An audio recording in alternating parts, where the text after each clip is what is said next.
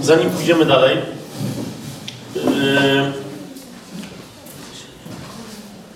myślę, że warto byłoby odpowiedzieć na, na pytania, zwłaszcza te, które padły w przerwie, nie- niektóre, yy, na które nie odpowiedziałem, właśnie dlatego, że odnoszę wrażenie, że mogą yy, się przydać jeszcze paru innym osobom, które się może nad tym zastanawiają, ale akurat nie zadały tego pytania, albo się nie zastanawiają, albo się zastanowiły, jakby usłyszały to pytanie. Ok? Więc, e, bo pytanie padło, tak? Bo to się nagrywa. E, jest w trzecim rozdziale Księgi Rodzaju, 22 wersecie powiedziane, Bóg mówi coś tak, szatan powiedział, że jak zjecie z drzewa poznania dobra i zła, to będziecie wiedzieli to, co On. I potem Bóg mówi, no i masz, no i rzeczywiście wiedzą.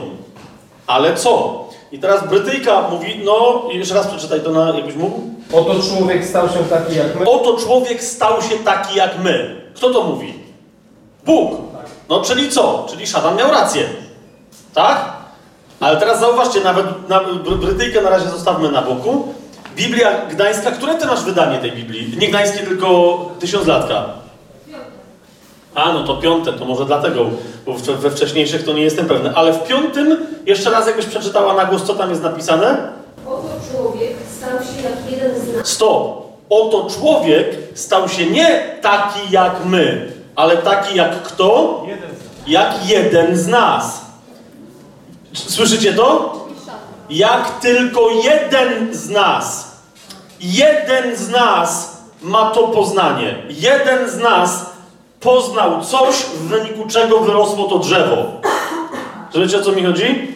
Jeden z nas. Teraz wam przeczytam, jak to brzmi w Biblii Gdańskiej. To jest naprawdę dobre tłumaczenie. Bardzo dobre tłumaczenie. Posłuchajcie tego, co powiedział Bóg.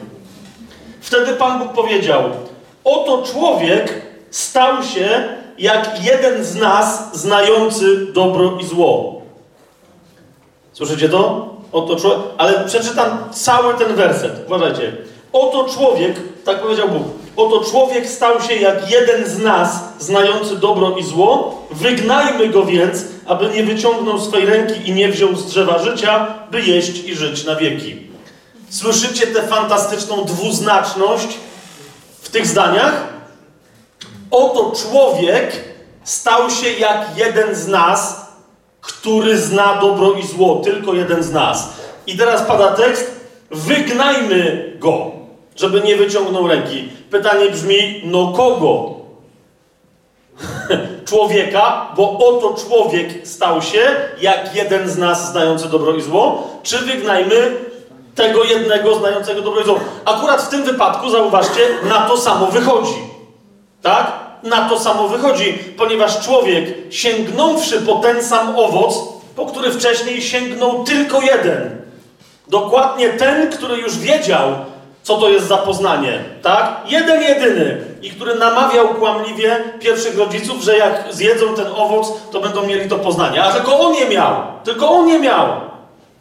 Dlatego właśnie ludzie stracili władzę, którą otrzymali od Boga, którą dzierżyli nad całą ziemią. Pamiętacie, czyńcie sobie ziemię poddaną, tak? Bóg dał ludziom ziemię we władanie.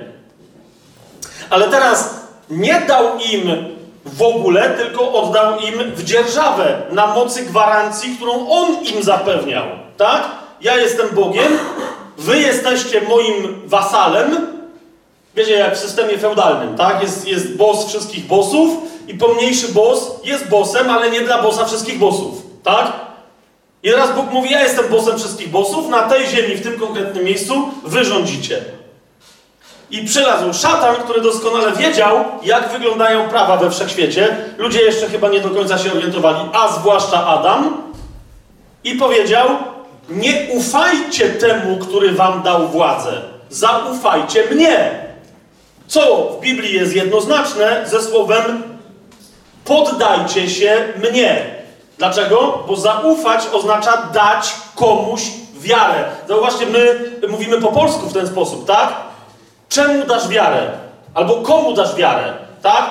Masz dwóch świadków. Jeden gada, że tak, a drugi, że tak. Któremu z nich dasz wiarę? Zauważ, co się mówi.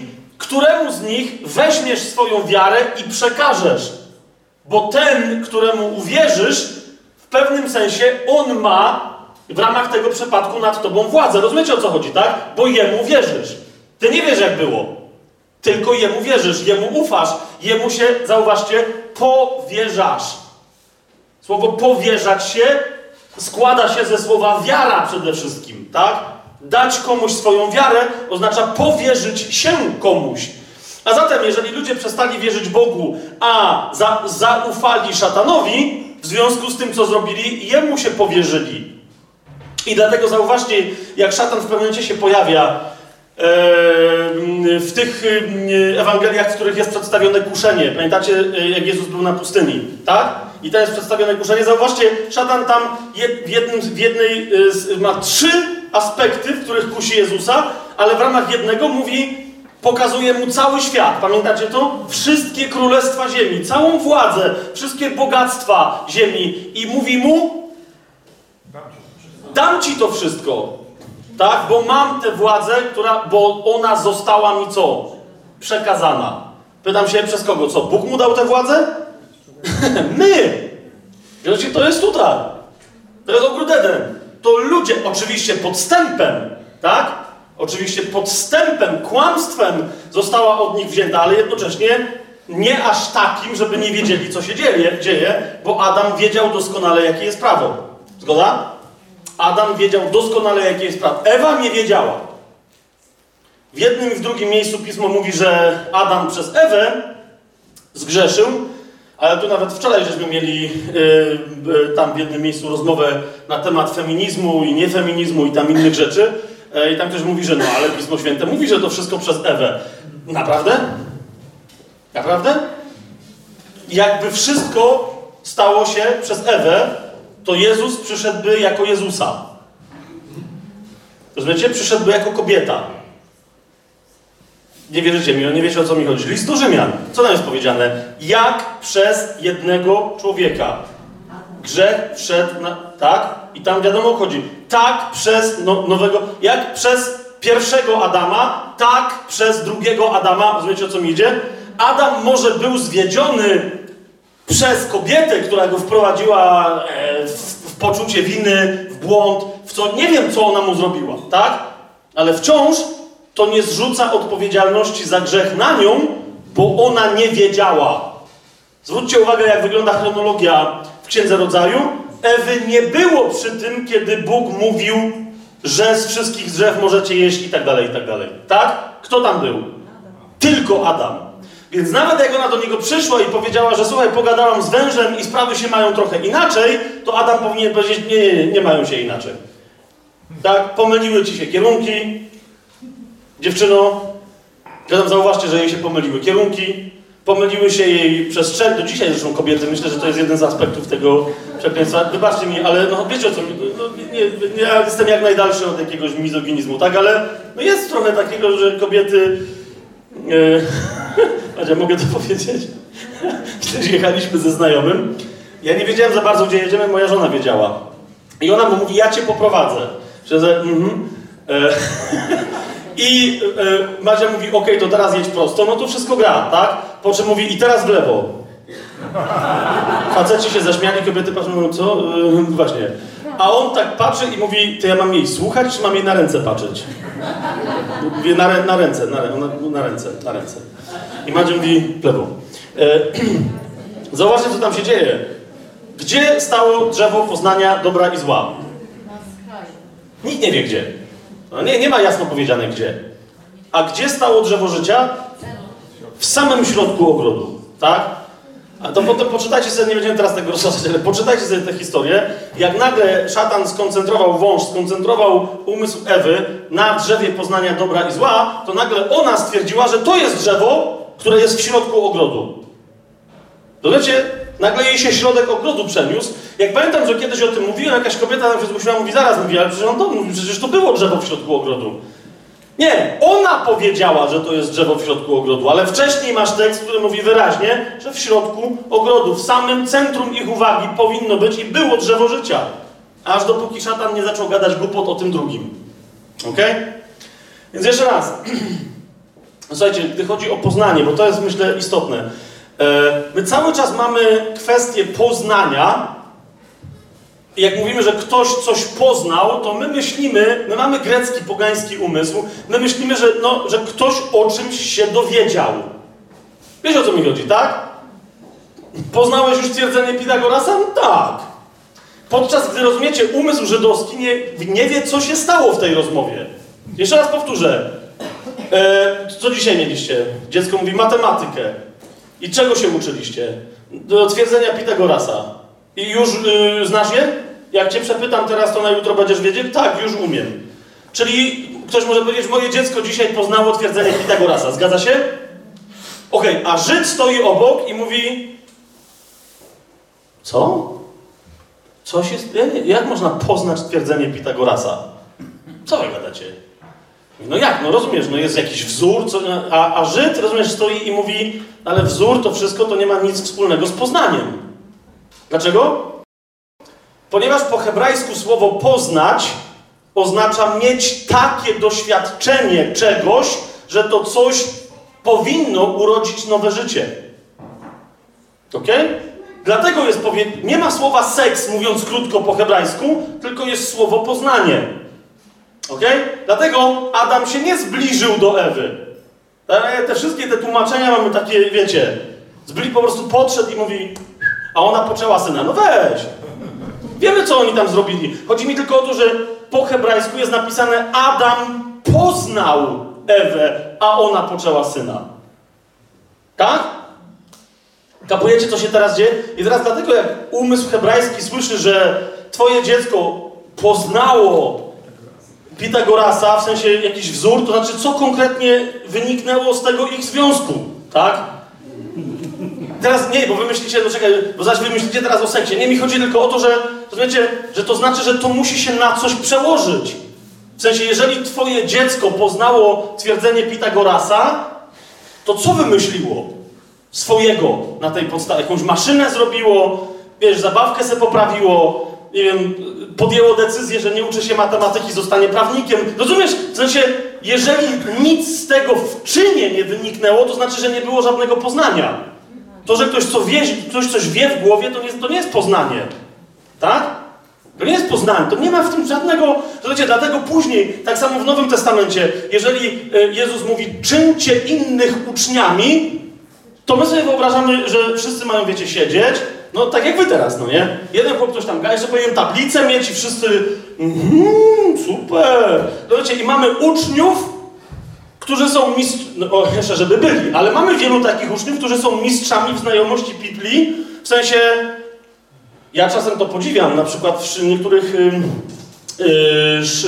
y, zborach i szkołach baptystycznych w Stanach Zjednoczonych, dosłownie rozumiecie, tam jest, są tak, ja to wielokrotnie o tym mówiłem, tak? I jestem tym zafascynowany. Rzucisz dzieciakom hasło typu na przykład a, bo to wy jesteście też cwani, dobra, no więc rzućmy hasło na przykład jednorożec w Biblii. Wy tak patrzycie na mnie. O, ma, jest, mówiłem, że jest jeden. O, dobra, jest jeden mistrz. Ale chodzi mi o to, że rozumiesz, a dzieciaki podnoszą rękę w prawej i sypią. Bam, bam, bam, bam, bam. 17 wersetów jest. Uhu, serio? O jednorożcu. A gdzie jest w takim razie Feniks? A to jeżeli podejmujemy się takiego zadania, że to jest tamto tłumaczenie, w którym jest Feniks, no to bam, bam, bam, bam. Mhm. Łapiecie o co mi chodzi? Tylko idzie mi o to, że jeżeli nawet te dzieci wiedzą, gdzie co jest w Biblii napisane, to to z nich nie czyni uczniów. Rozumiecie? To, że znają całe Pismo Święte na pamięć, to z nich nie czyni uczniów. To, że ktoś wyjdzie i palnie głupotę jakąś. Ostatnio yy, byłem na, na yy, świadkiem głoszenia dobrej nowiny, takiej podstawowej dobrej nowiny, wiecie, dla grzeszników, że tak powiem, posprowadzanych yy, z ulicy do, do zboru, tak? I, I, rzeczywiście raz, drugi czy trzeci ewangelista trochę się zapędził, jakiegoś tam skrótu myślowego dokonał, także jakby go chwycić za parę słów, to się okazało, że nie do końca gadał to, co jest w Biblii napisane, tak? Sęk tylko w tym, że ewangelista nie jest od tego, żeby dbać o każdy detal swojego nauczania. Dlaczego? Bo nie jest nauczycielem, tak?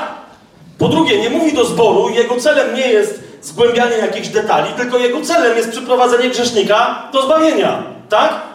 Więc ci grzesznicy i tak w ogóle pierwsze w życiu słyszeli, co tam chłop gada, byli przejęci śmiercią Pana Jezusa na krzyżu, dowiedzieli się, że to jest robota, którą Jezus za nich wykonał, a oni ją mogą przyjąć za darmo i co? I przyjęli, tak? Ale znalazło się grono specjalistów, którzy y, zechcieli podważyć to. No ja nie wiem, czy to było tak. Czy... Bo czy aby na pewno y, ktoś się nawrócił, jeżeli chłop tam powiedział, że to było w księdze Jeremiasza, a to było u Ezechiela? Dobra, ja teraz przesadziłem, bo aż takiego malkontenta nie było, ale wiecie o co mi idzie, tak? O jakiego rodzaju postawę. Będzie się ogarnij. Ci ludzie naprawdę wtedy przyszli do Pana Jezusa, a nie do Twojej wiedzy o Ezechielu. Tak? To nie jest uczeń, który coś wie tu. Ucznia Jezusowego poznajesz po tym, co już umie, co robi. Tak? Jeden, y, taką pamiętam historię, którą mi kiedyś jeden misjonarz opowiadał. E, a to, to to jest anegdota, tak? Ale on mówi, że często ją opowiadał innym misjonarzom. O tym, jak to jeden anegdotyczny misjonarz przybył do jakiegoś ludu afrykańskiego i stwierdził, że to są takie matoły, że oni nic ich nie może nauczyć, niczego. Więc mówi, dobra, na razie chociaż nauczę ich Ojcze Nasz, no bo Pan Jezus powiedział, to tak się módlcie, no to nauczę ich Ojcze Nasz. I chociaż tyle, następnym razem jak ktoś inny przyjedzie, albo może ja, to może pociągniemy, może trochę zmądrzeją od tego Ojcze Nasz, tak? Wsiadł na swoją łódeczkę, odpłynął, za trzy godziny patrzy, a za nim cała ta banda tych matołów leci po wodzie. Znaczy, i on tak patrzy i mówi, co jest? Patrzy, nie no, woda jest, no, pływają rekiny, a ci biegną po wodzie za nim. Zobaczcie, to on mówi, wiara, cud. On mówi, ale co ja ich nauczyłem? Że, a oni lecą za nimi i mówią, ty, mówi, bo my sobie zapomnieli, jest ojcze nasz i co jest dalej? No i teraz widzisz, ten wiedział, co jest dalej. Rozumiesz, o co mi chodzi? Ale po wodzie nie chodził. Tak? Ci nie wiedzieli, co jest dalej, ale lecieli za nim po wodzie. Tak? I tu z drugiej strony znam świadectwo już to nie anegdotyczne, tylko autentyczne jednego człowieka, który zaraz jak się nawrócił, alkoholik, został dotknięty w dosłownie w ciągu jednej minuty. Tak? Znaczy później y, to trwało parę godzin, zanim y, wyszedł tam z stanu zadziwienia, ale naprawdę mówi, że wiedział, że w ciągu jednej minuty Bóg go uzdrowił z masy uzależnień. Tak? Z masy. I on zaraz następnego dnia, gorliwie jak, jak, jak Szaweł, zaczął głosić Pana Jezusa, tak? Pierwszy, kto mu się przeciwstawił, jak myślicie, kto to był? Nie, nie, nie, nie, nie, nie pastor, ale yy, no taki właśnie gość, który nawet pastora pouczał w zborze. Pierwszy, który mu się przeciwstawił, tak? I mówi, a co ty robisz? Mówi, no, mówi, świadczę, że Jezus, halleluja, żyje, moc. A mówi, ale a co ty o nim wiesz? Eee, no, I go przepytał, rozumiecie? A to, a to, a to, a pewność zbawienia, a to, a tam, no i co ty głosisz? No i jak już go tak zrugał, to będzie autentyczna y, rozmowa, tak? Jak go zrugał, mówi, no, to teraz, żeby, a to mówi zaraz, zaraz, powoli, to już jak mnie już zrąbałeś, to, to pozwól, że ja ci teraz coś powiem. Mówi, ja może tego wszystkiego nie wiem o Jezusie, co ty wiesz, ale ja Jego znam. Rozumiesz? Ja, ja, nie wiem, czy on, ile on lat był na emigracji w Egipcie. Ja nie wiem tego. Jak ty mi powiedziałeś, że on nie był z Nazaretu, tylko z Kafarnaum, to ja nie wiem, kiedy on się przeprowadził. Nie, nie, nie, nie, wiem, nie mam pojęcia. Rozumiesz? Ale ja wiem, że ja przedwczoraj po pijaku biłem żonę i się z tego cieszyłem. A dzisiaj na samą myśl o tym mam ochotę jechać do muzułmańskiego kraju i głosić za karę sam dla siebie Ewangelię. Rozumiesz? Ja dwa dni temu pobiłem swojego syna, dlatego że nie chciał się ze mną napić. A dzisiaj rozmawiałem z tym synem i Jezus, który jest we mnie, przekonał go, że on może mi przebaczyć. Nie Jezus, tylko mój syn. Rozumiesz? Ja nie wiem, kiedy Jezus się przeprowadził z Nazaretu do Kafarnaum. Ale ja wiem, jak go zobaczę na ulicy, jak umrę i, i się z kimś spotkam, będę wiedział, że to jest mój Jezus. Nawet jak się do końca życia nie nauczy, kiedy się przeprowadził z Nazaretu do Kafarnaum. Słyszycie, co mówię? To jest koncepcja poznania w Biblii, tak? Jeżeli po tym Żyd, tak, żydowskie serce wie, że coś umiesz, bo to robisz, po tym wie, ktokolwiek, że czegoś, że coś poznałeś, bo to coś stało się częścią ciebie, że coś poznałaś, bo to coś praktykujesz. Jasne jest to, co mówię?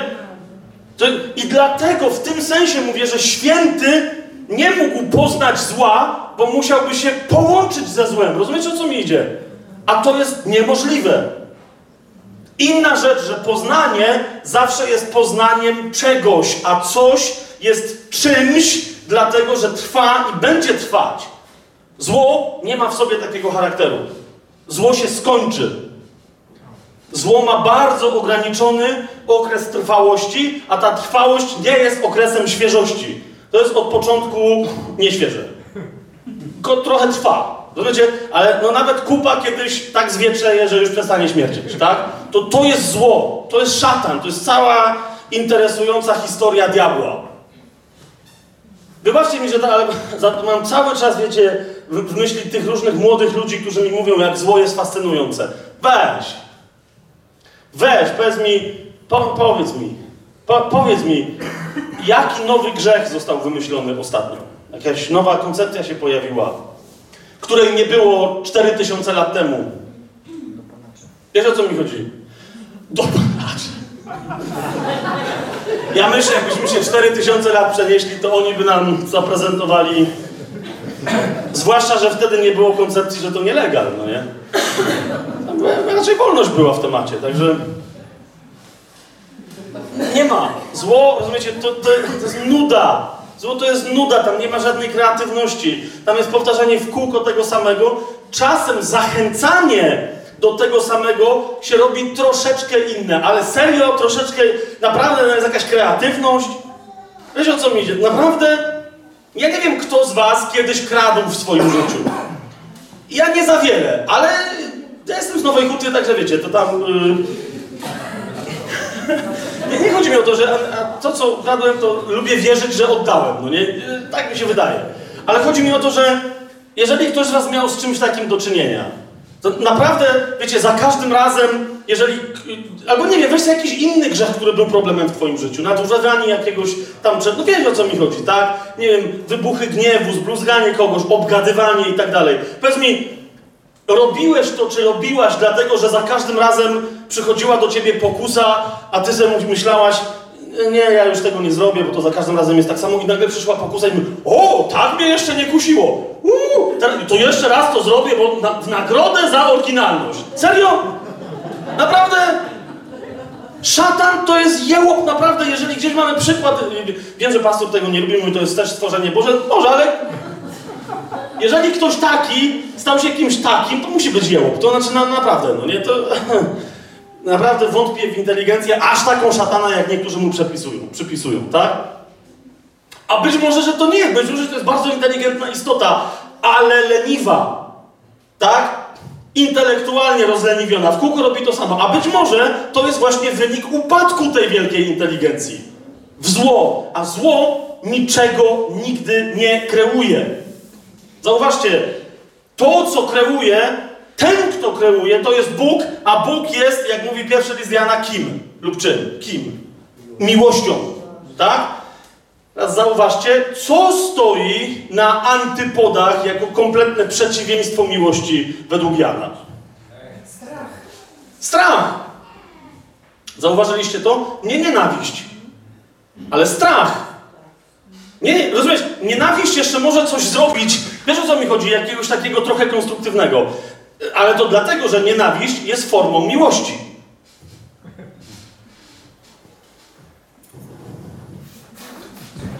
Dobra, teraz już przegiąłeś, to teraz się tego nie da obronić teologicznie. Nie da się. Nie da się. Za każdym razem, kiedy Bóg w Starym Przymierzu mówi, że nienawidzi, mówi, czego nienawidzi. I za każdym razem nigdy to nie jest człowiek. Ale za każdym razem to jest coś, co chce zabić człowieka. Zwróć uwagę. W momencie, kto, kto z was ma dzieci? Jakieś wnuki, kogoś, o, dobra, sporo, dobra. Rozumiesz, E, jeżeli idziesz, odwracasz się, tak? Masz pod opieką dziecko, małe, albo wnuka, kogoś takiego, tak? Odwracasz się, a tam widzisz, że podbiega gość z nożem i chce zasztyletować to dziecko. To co się dzieje? Zanim nawet pomyślisz, wzrasta w tobie gniew, najprawdopodobniej im bardziej kochasz to dziecko, nienawiść nie do tego człowieka, bo ty go nie znasz, ale do czego? do tego, co on w tym momencie robi. Tak? I ty się nie zastanawiasz, czy jak może walniesz ten głupi łeb i on się wywali na ulicę, a tam może jechać ciężar, to ty się nie zastanawiasz, czy ta ciężarówka czasem go nie przyjedzie, nie, nie przejedzie. Wiesz o co mi chodzi? No bo po prostu, bo ty teraz nie rozważasz, tak? Ponieważ kochasz to dziecko, w związku z tym musisz nienawidzić. To jest aspekt miłości wszystkiego, co temu dziecku zagraża. Nie każdego, który temu dziecku zagraża, zauważ, ale wszystkiego, co temu dziecku zagraża. Jest to jasne, co, co mówię? Tymczasem patrzcie. Jan mówi, Bóg jest miłością. Okej, okay, dlatego miłość też czasem wyraża się w aktach dosyć gwałtownych, w obronie tego, co kocha, tych, których kocha, tak? Ale mówi, w miłości nie ma nigdy jednej rzeczy, jakiej? Lęku. W miłości nie ma lęku. A zauważ, a co konstruuje lęk? Co produkuje lęk? Jakie dzieła powstają w wyniku lęku? Jaka aktywność się zaczyna? Człowiek się zaczyna bać, znaczy nie bać, bo banie się to jest co innego. Lęk, ogarnia go lęk, tak? I w wyniku lęku co się dzieje? Rozkład. To. W wyniku lęku człowiek się odpręża. Tak? Tak bardzo, że zaczyna się rozkładać. Ponieważ lęk odbiera jakąkolwiek możliwość działania. Miłość jest agresywna w działaniu, miłość działa. Tak? Miłość działa. Lęk powoduje, że się wycofujemy z jakichkolwiek działań. Tak? Człowiek, który kocha, zaatakuje w obronie dziecka, zaatakuje napastnika. Amen? Człowiek, który się boi, co zrobi? Zawaha się. Nic nie zrobi. I może być za późno. A potem będzie żałował. A, no rozumiecie o co mi chodzi. Tak? A zatem jeszcze raz, jeszcze raz. Wracamy do, do... To jest bardzo ważne, żeby, żeby, żeby to wyłapać, tak? Od samego początku Bóg jest dobry i tylko dobry, zawsze dobry, zawsze znacznie lepiej dobry, niż tobie się wydawało kiedykolwiek, że był lub może być dobry. Ok? Niezależnie od tego, jak dobry okaże się Bóg w Twoim doświadczeniu, że jest dobry, On zawsze będzie dobry znacznie bardziej niż Ty już wiesz, że jest dobry. Po prostu. Wszystkie te inne. Yy, pastor tu mnie poprosił, żeby trochę wejść yy, yy, głębiej w temat yy, tych aktów gwa, gwałtownych w Biblii, w, Starym Przymierzu. Ale jeszcze raz, jeżeli, jeżeli my naprawdę w sercu, tak, i w duchu zgłębimy, będziemy wołać o poznanie, czyli o doświadczenie, tak, tego, że Bóg jest dobry i że tylko jeden z synów Bożych, tak, jeden z owych Elohim, ten, którego my nazywamy szatanem, czyli przeciwnikiem wszystkiego, co Boże, tylko jeden z nich ma poznanie dobra i zła. Bóg go nie ma i Bóg od ciebie też nie wymaga żadnego poznania dobra i zła. Aś wchodzimy na następną historię. Bóg chce od ciebie tylko i wyłącznie poznania tego, co najlepsze. A to, co najlepsze, jest w drzewie życia. Wracamy do tego, o czym mówiliśmy na poprzednim spotkaniu. Rozumiesz? Jeżeli masz do wykonania coś, masz szansę, żeby coś zrobić, i teraz ty nie wiesz, kim jesteś, więc robisz to tak, jak wiesz, że inni zborownicy robią, to najprawdopodobniej właśnie czynisz zło. Dlaczego? Ponieważ cóż z tego, że robisz coś z boku patrząc, obiektywnie w miarę dobrego, a może nawet bardzo dobrego, cóż z tego? Masz na przykład, załóżmy, tak, 20 tysięcy złotych. I ty wiesz, bo miałaś takie postanowienie razem z mężem, żeby te 20 tysięcy złotych przekazać kiedyś, jak już się uzbiera 20 tysięcy. Tak? Bo Bóg wam kiedyś powiedział, uzbierzcie 20 tysięcy, to ja będę zachwycony tym, że je uzbieraliście, pokażę wam jakiś zbożny cel. To, że się z mężem zbierali. Macie te 20 tysięcy i wtedy nagle Myśmy mówili, dobra, 20 tysięcy, to co mam teraz zrobić? Jeżeli zamiast wtedy zadać Bogu pytanie, co, okej, okay, to co teraz? Ty już wiesz, co masz zrobić, no bo na przykład, ja nie wiem, czy teraz nie gadam czegoś przeciwko y, tobie, Gienek. Y, czy jakby interesowi... Teraz się połapałem, ale dobra, już będę brnął dalej, to najwyżej potem będę pokutował. Y, albo mnie wywalicie dzisiaj. Bo nie wiem, czy czegoś nie budujecie, czy coś. Dobra, ale to, to jest nie, no to jest dobry przykład, nawet jeżeli. Kurde, powiedzcie, że ja nie wiem, co tu się dzieje. No nie chodzi mi o to, że ale nie chcę nic czego robić przeciw. Jak coś budujecie, to dajcie na to, co budujecie. Albo nie.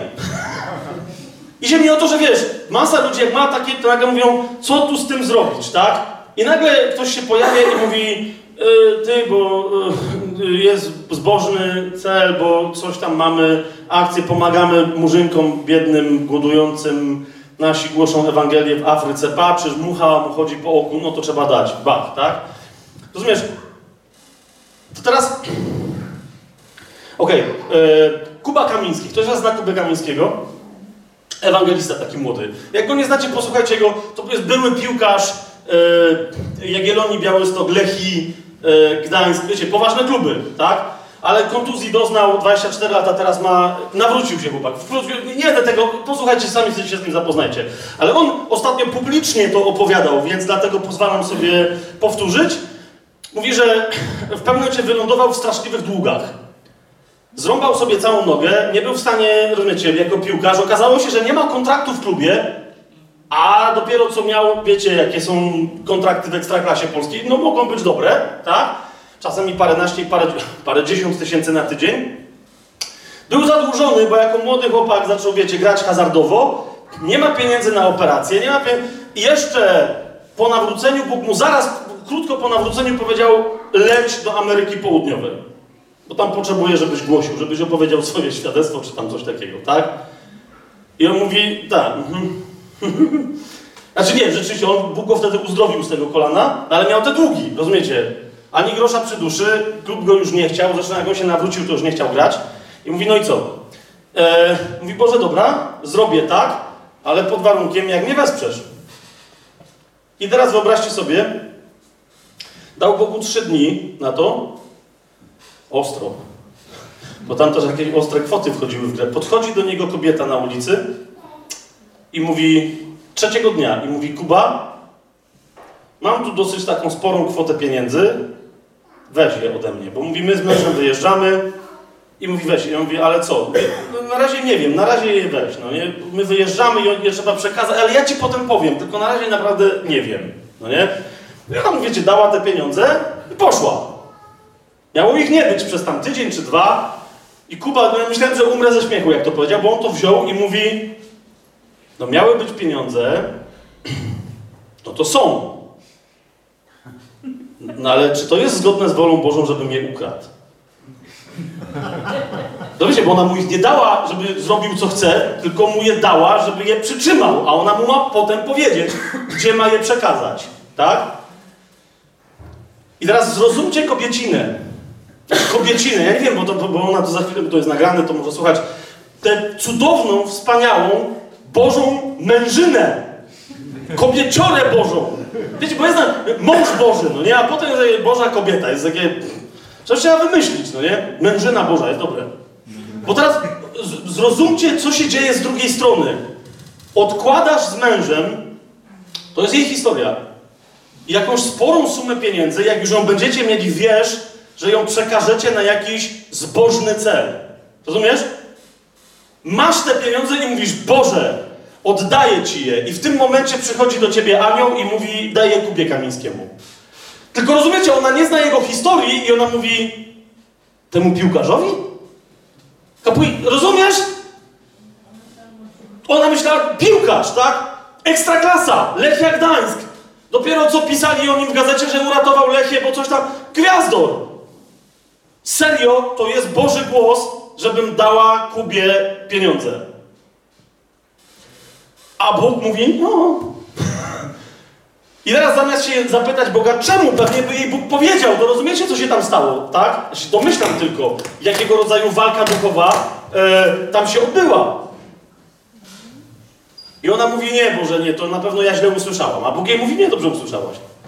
No niemożliwe, no ale Kubie, no po co Kubie takie pieniądze? No może on to gdzieś przekaże, no daje, i Kuba przekaże. Mhm. Jak już wiesz, wiecie o pewnych rzeczach jego, bo on też oprócz tego, że był piłkarzem, to jeszcze ćpał, tam różne historie się działy, tak? No jasne, tak, on to przekaże na pewno na jakieś super cele. A Bóg mówi, Kuba Kamiński.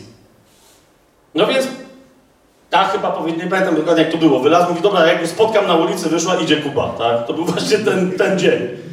Miała te pieniądze, mówi, dobra, mówi, Kuba, weź te pieniądze, ale mu nie powiedziała, zrób z nimi co chcesz. Zrób z nimi to, co Bóg ci mówi. Tylko mówi, e, my jedziemy z mężem i ja ci potem powiem. Co masz zrobić z tymi pieniędzmi? Słyszycie, co mówię? Słyszycie, co się dzieje? Jeszcze raz.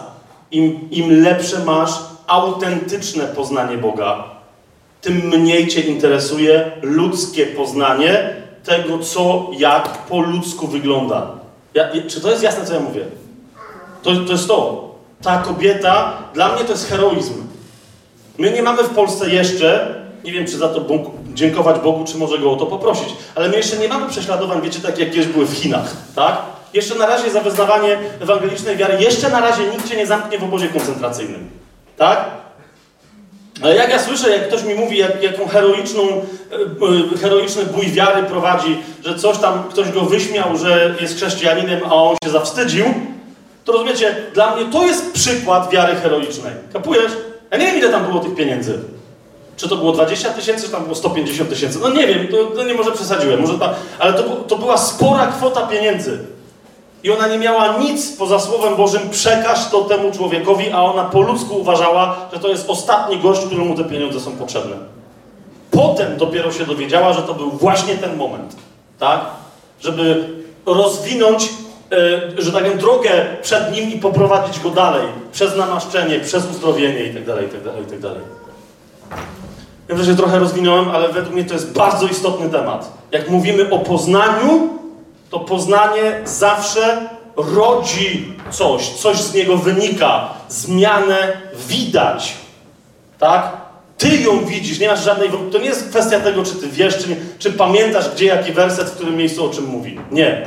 I jeżeli to wynika z Twojej, takie masz poznanie Boga jako dobrego i tylko dobrego, wówczas zmienia się Twoje intelektualne i inne poznanie tych fragmentów Biblii, które mówią o tym, że Bóg kazał gdzieś tam pójść i kogoś wyrżnąć i tak dalej, i tak dalej, i tak dalej.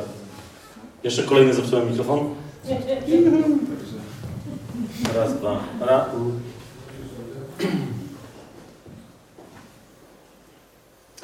Eee...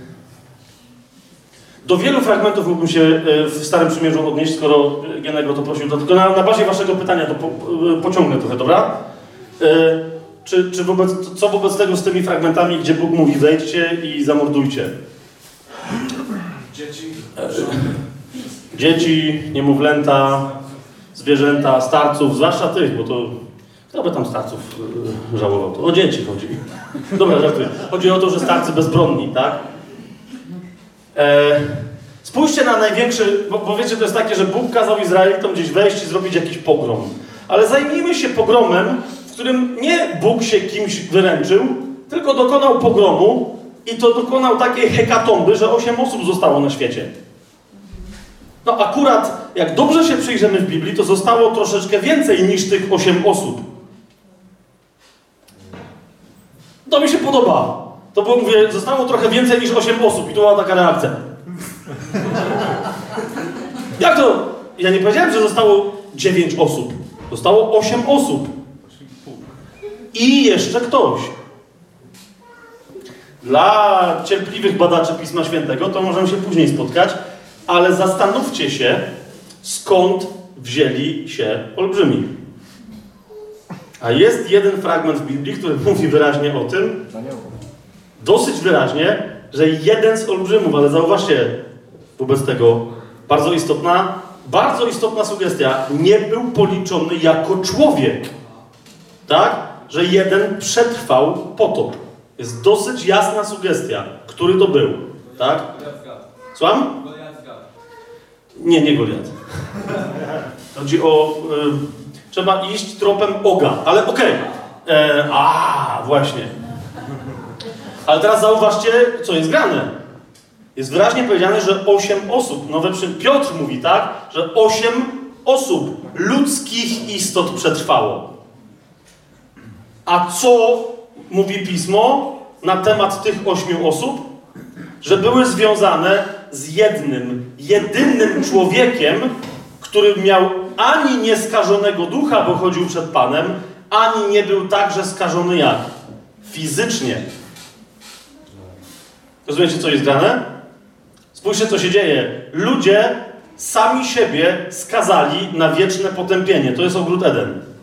Wtedy Bóg daje pierwsze jasne świadectwo i sugestię, która mówi do niewiasty: Twój konkretny potomek. Tam jest liczba pojedyncza.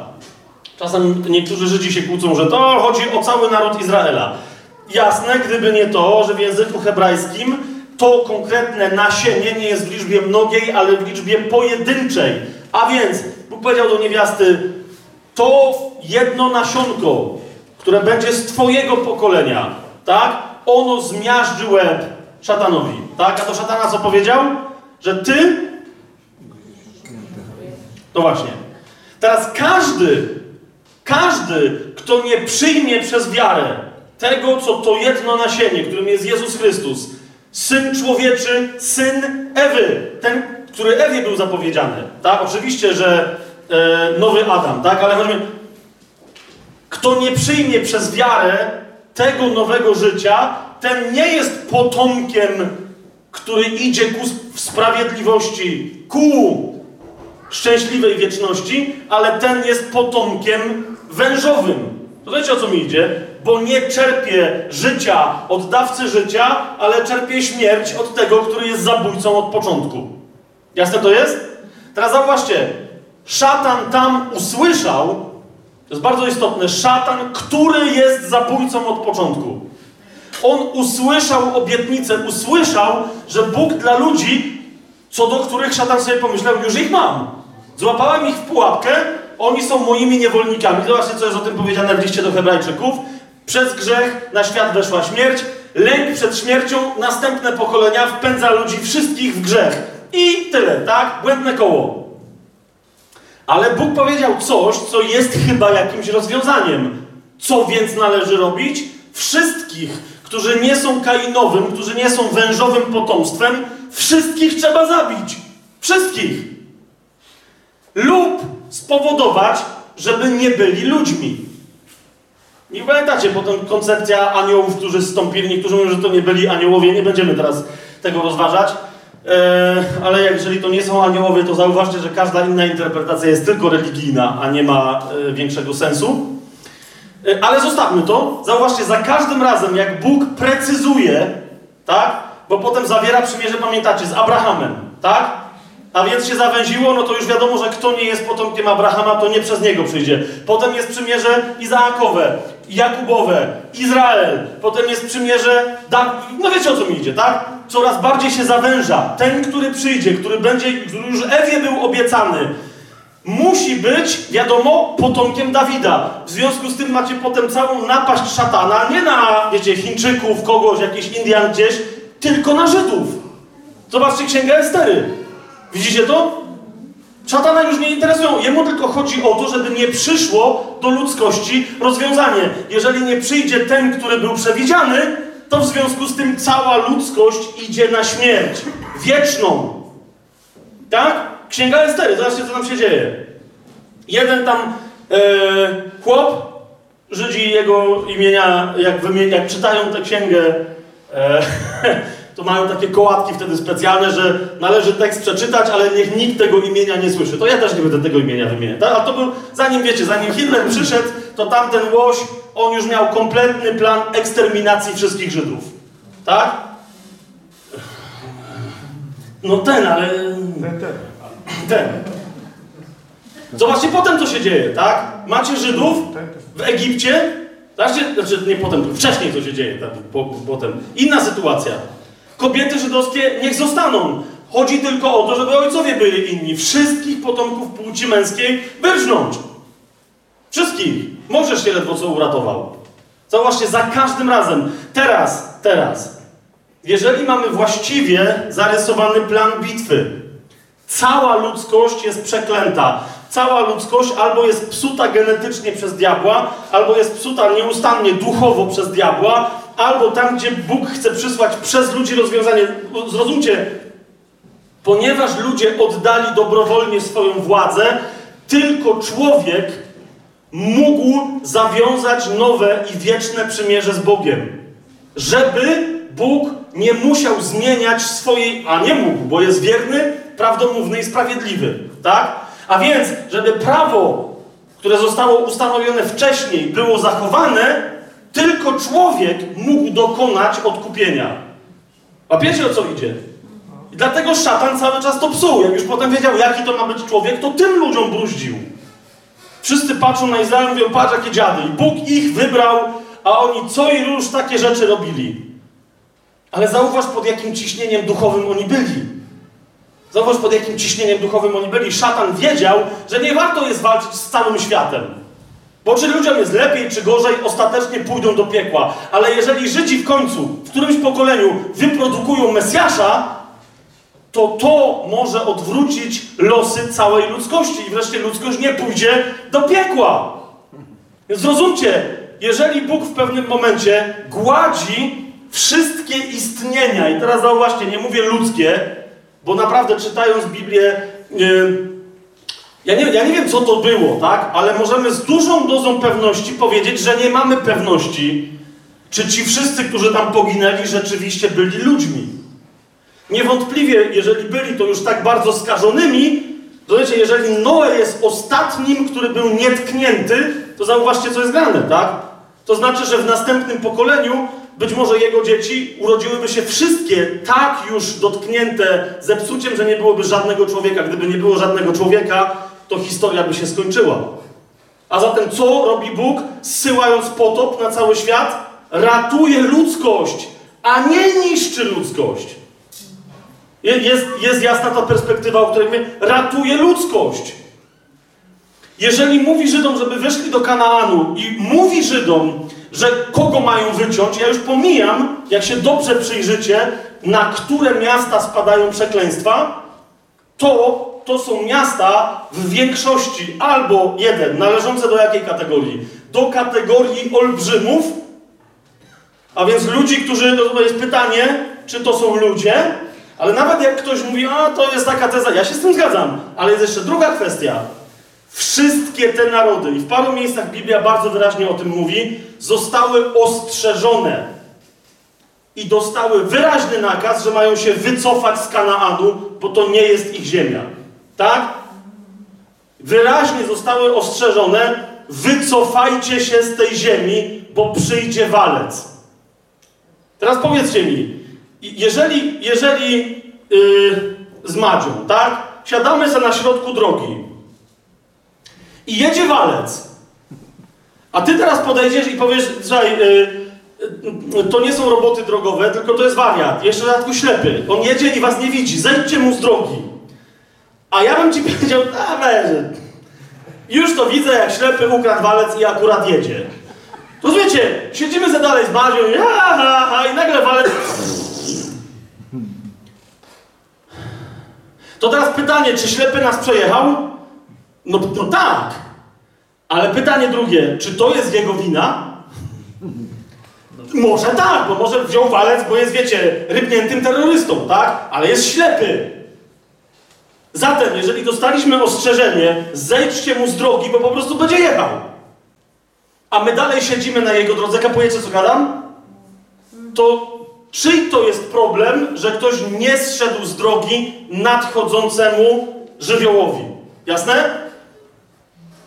Bóg ostrzegał Izraela przed różnymi żywiołami, zauważcie, za każdym razem, bo najlepiej widać to właśnie u, u Izraelitów, kiedy dostawali ostrzeżenia. Ostrzegał ich jako przed żywiołami, przed suszą, przed szarańczą, przed zmianami pogody, na przykład y, takimi, że będą straszliwe ulewy, przed napaściami innych mocarstw. Pamiętacie to? Te napaści, po pierwsze, mogły być odmienione, tak? Bo on powiedział, jest historia, toczy się historia, dopóki nie przyjdzie Mesjasz. I to po raz drugi. Mój syn i nie zaprowadzi absolutnego pokoju na ziemi, musicie zrozumieć, że wojny Starcia pomiędzy narodami to jest taki sam żywioł jak powodzie, jak gradobicie, jak susza, jak szarańcza, jak y, tornada i tak dalej. I, czyli to jest jasne, co ja mówię. Spójrzcie w Ewangelii Mateusza. Jak Jezus, pada, pada pytanie na temat końca czasów i on się pyta, a mówi, to skąd będziemy wiedzieli, po czym poznamy, że to już przyszło? Pamiętacie? I Jezus na jednym tchu mówi o tym, że przyjdą różne, że będą znaki na niebie i na ziemi, że tam się y, y, y, zamiast normalnie to się, w, to się w kolorze krwi pojawi księżyc, że na ziemi będą właśnie, że wody wystąpią. Y, pamiętacie to, tak? Że szum morza będzie tam przerażał ludzi. I jednocześnie mówi, i pojawią się pogłoski o wojnach, no i wojny też. Zauważcie, to są żywioły. Bóg za każdym razem, kiedy wie o tym, zwłaszcza w Starym Przymierzu, w Nowym jest inaczej, w Nowym to my jesteśmy odpowiedzialni za to, żeby proroczo ostrzegać siebie i innych, ponieważ wszyscy mamy w sobie ducha proroczego, ale w Starym Przymierzu Bóg za każdym razem, za każdym razem, kiedy spada na Izraela albo na inny, na, prawie, prawie za każdym razem, nie tylko Yy, według mnie ostrzega, za każdym razem ich ostrzega, ale prawie za każdym razem, kiedy mamy historię, że na kogoś spadło jakieś nieszczęście, Jednocześnie w innym miejscu, często zaraz obok, jest powiedziane: A ostrzegałem was przez proroków. A ostrzegałem was. Tak? Najlepszy przykład żona Lota. Do dzisiaj stoi ponoć, nie tego, ale ponoć stoi w jednym miejscu jako słupek soli.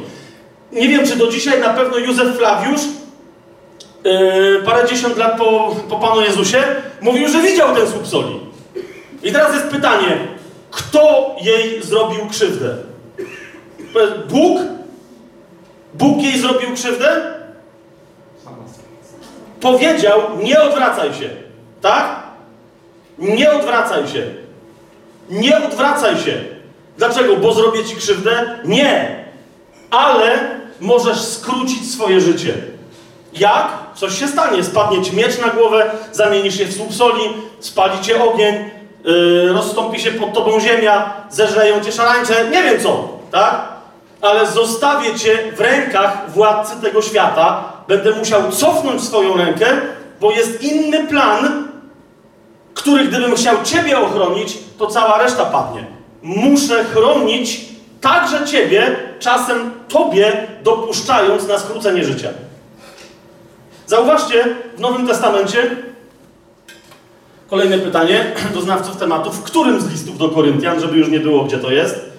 Paweł w pewnym momencie sugeruje, że jest taki człowiek, który coś nie bardzo zna Chrystusa, ale jakieś dziadostwa robi i nie chce za bardzo słuchać całej reszty. Pamiętacie, co, co Paweł wtedy mówi? Zostawcie takiego komu? Zostawcie takiego szatanowi. I jakie jest uzasadnienie? Ktoś z pamięta ten, ten, ten, ten, ten fragment? Jakie jest uzasadnienie? Mówi, zostawcie takiego szatanowi, bo lepiej, żeby umarł, skróćmy ten temat, żeby, tak? lepiej, żeby umarł fizycznie, ale żeby był zbawiony, niż żeby tutaj se zaskarbił na jakieś jeszcze gorsze kwestie. Pamiętacie to? To jest cały czas to. To znaczy, Bóg jest z tobą. Bóg cały czas mówi, wybieraj błogosławieństwo albo przekleństwo, tak? Co jest to Nowy Testament? To jest stare przymierze, zauważcie, to jest stare przymierze.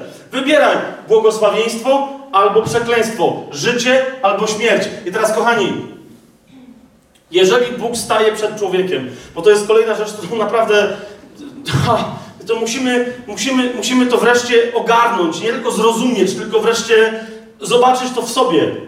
Jeżeli Bóg mówi, wybieraj, to nie mówi błogosławieństwo, przekleństwo albo remis.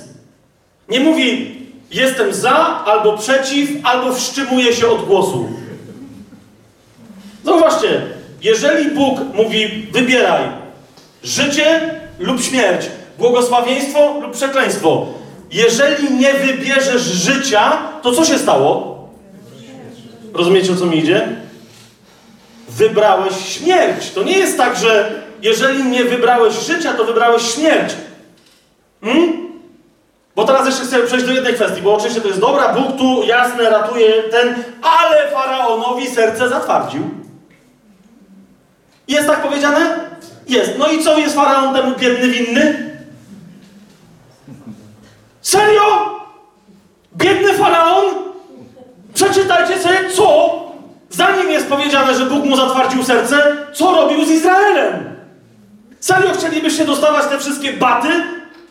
Kawałek soczewicy? Miski soczewicy raz dziennie? Zapitalać przy tych ich głupich cegłach? W jakimś smrodzie, będąc pasterzami? Tęskniącymi za zielonymi niwami? Serio chcieli? I wtedy byście powiedzieli, oki biedny faraon. Patrz, pół miski soczewicy dał, a mógł zabić. Taki biedny faraon! Rozumiesz, ja ty słyszę, Bóg zatwardził mu serce, ale rozumiesz, w wyniku czego? W wyniku czego, pytam się? Co nie przychodził do niego wcześniej?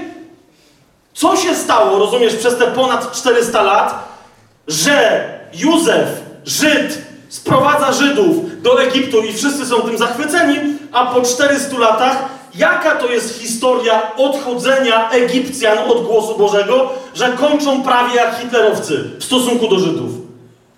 Rozumiecie, o co mi idzie?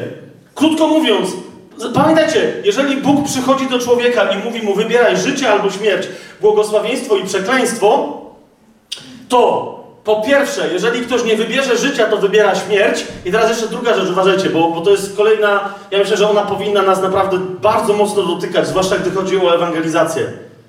Mianowicie, dlaczego my tak często, chrześcijanie, jak jacyś kompletni poganie, wyznajemy, rozumiecie, nikt tego nawet nie mówi na głos, ale my to naprawdę wyznajemy bardzo często, że Bóg ma dla każdego człowieka nieskończoną ilość możliwości. Czujecie, co teraz gadam? W momencie, kiedy ty idziesz głosić komuś Ewangelię, zauważ, czy zastanawiasz się nad tym, ile osób wcześniej już głosiło mu Ewangelię i jak to zrobili? I na przykład, czy ty nie jesteś ostatnią szansą tego człowieka? Chwytacie, co ja gadam? Bo to jest też nasza odpowiedzialność, kiedy my już o tym wiemy, tak? Rozumiesz, co to znaczy, że to jest ostatnia szansa? To znaczy, że być może po prostu, bo Bóg zna możliwości na... Rozumiesz, ile człowiek może wypić trucizny, póki nie umrze? To jest zatwardzenie serca. Czy rozumiecie, co ja mówię? To jest zatwardzenie serca. Zatwardzenie serca w Starym Testamencie oznacza najzwyczajniej w świecie, że ktoś wypił tej trucizny już tyle, że już jest martwy, lub też, że właśnie wyczerpał możliwości działania Bożego, bo zaczynają się inne rzeczy w historii. Jasne? Czy koniecznie Izrael z Egiptu musiał wychodzić tak, jak wychodził? Nie! Lub też być może, że pojawiłyby się znaki, ale wyobraźcie sobie, że faraon, tak jak niegdyś władca Niniwy, no tam jest najlepsza historia. Pamiętacie Jonasza? Dla mnie to jest mistrzostwo świata. Chłop głosi dobrą nowinę ludziom, których nienawidzi. I jak oni ją przyjmują, to nawet Boga zaczyna nienawidzić, że w ogóle co jest grane. To jest w ogóle... Ale zauważcie, to jest Niniwa. Czy Niniwa mogła skończyć jak Sodoma i Gomora? No raczej. Czy Egipt mógł skończyć tak jak Niniwa? No raczej. Wyobraźcie sobie inny scenariusz, czy naprawdę nie jest niemożliwy w Biblii. My mamy tam tylko historię, która się wydarzyła, a nie wiemy, jakie były możliwości. Kładę przed Tobą życie i śmierć, błogosławieństwo i przekleństwo. Egipt. Wyobraźcie sobie, że faraon, ten albo jego poprzednik się nawraca. Ok? Ten, który rozmawia z Mojżeszem, jest nawrócony. Mojżesz przychodzi do niego i mówi: Będą znaki. A on mówi: Niech będą. Bo ludzie w Egipcie jeszcze nie do końca wierzą. Niech Pan zamieni wodę w Nilu w krew. Niech tak zrobi, żeby wiara nasza wzrosła. Rozumiecie, co ja gadam?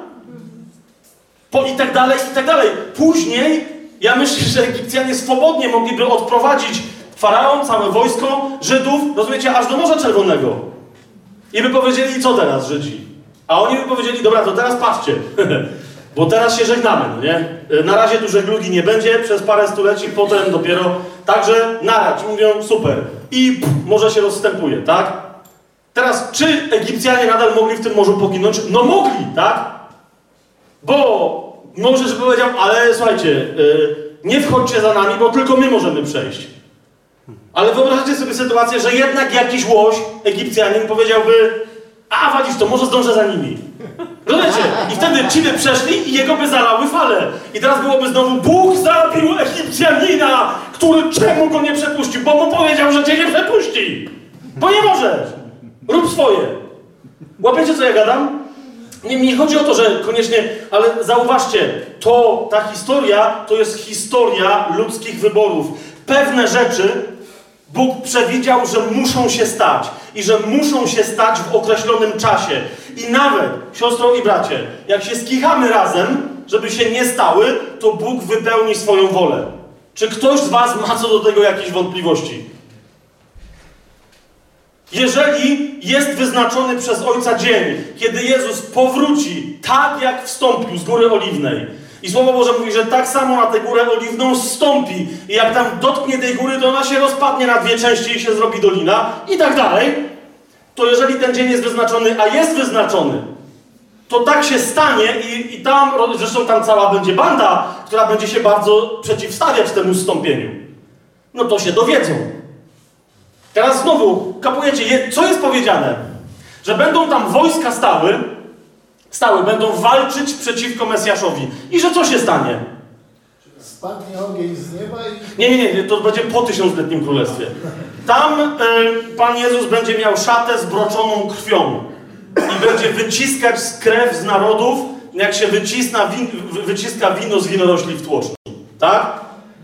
Teraz jest pytanie, jeżeli polskie wojsko, nie daj Bóg,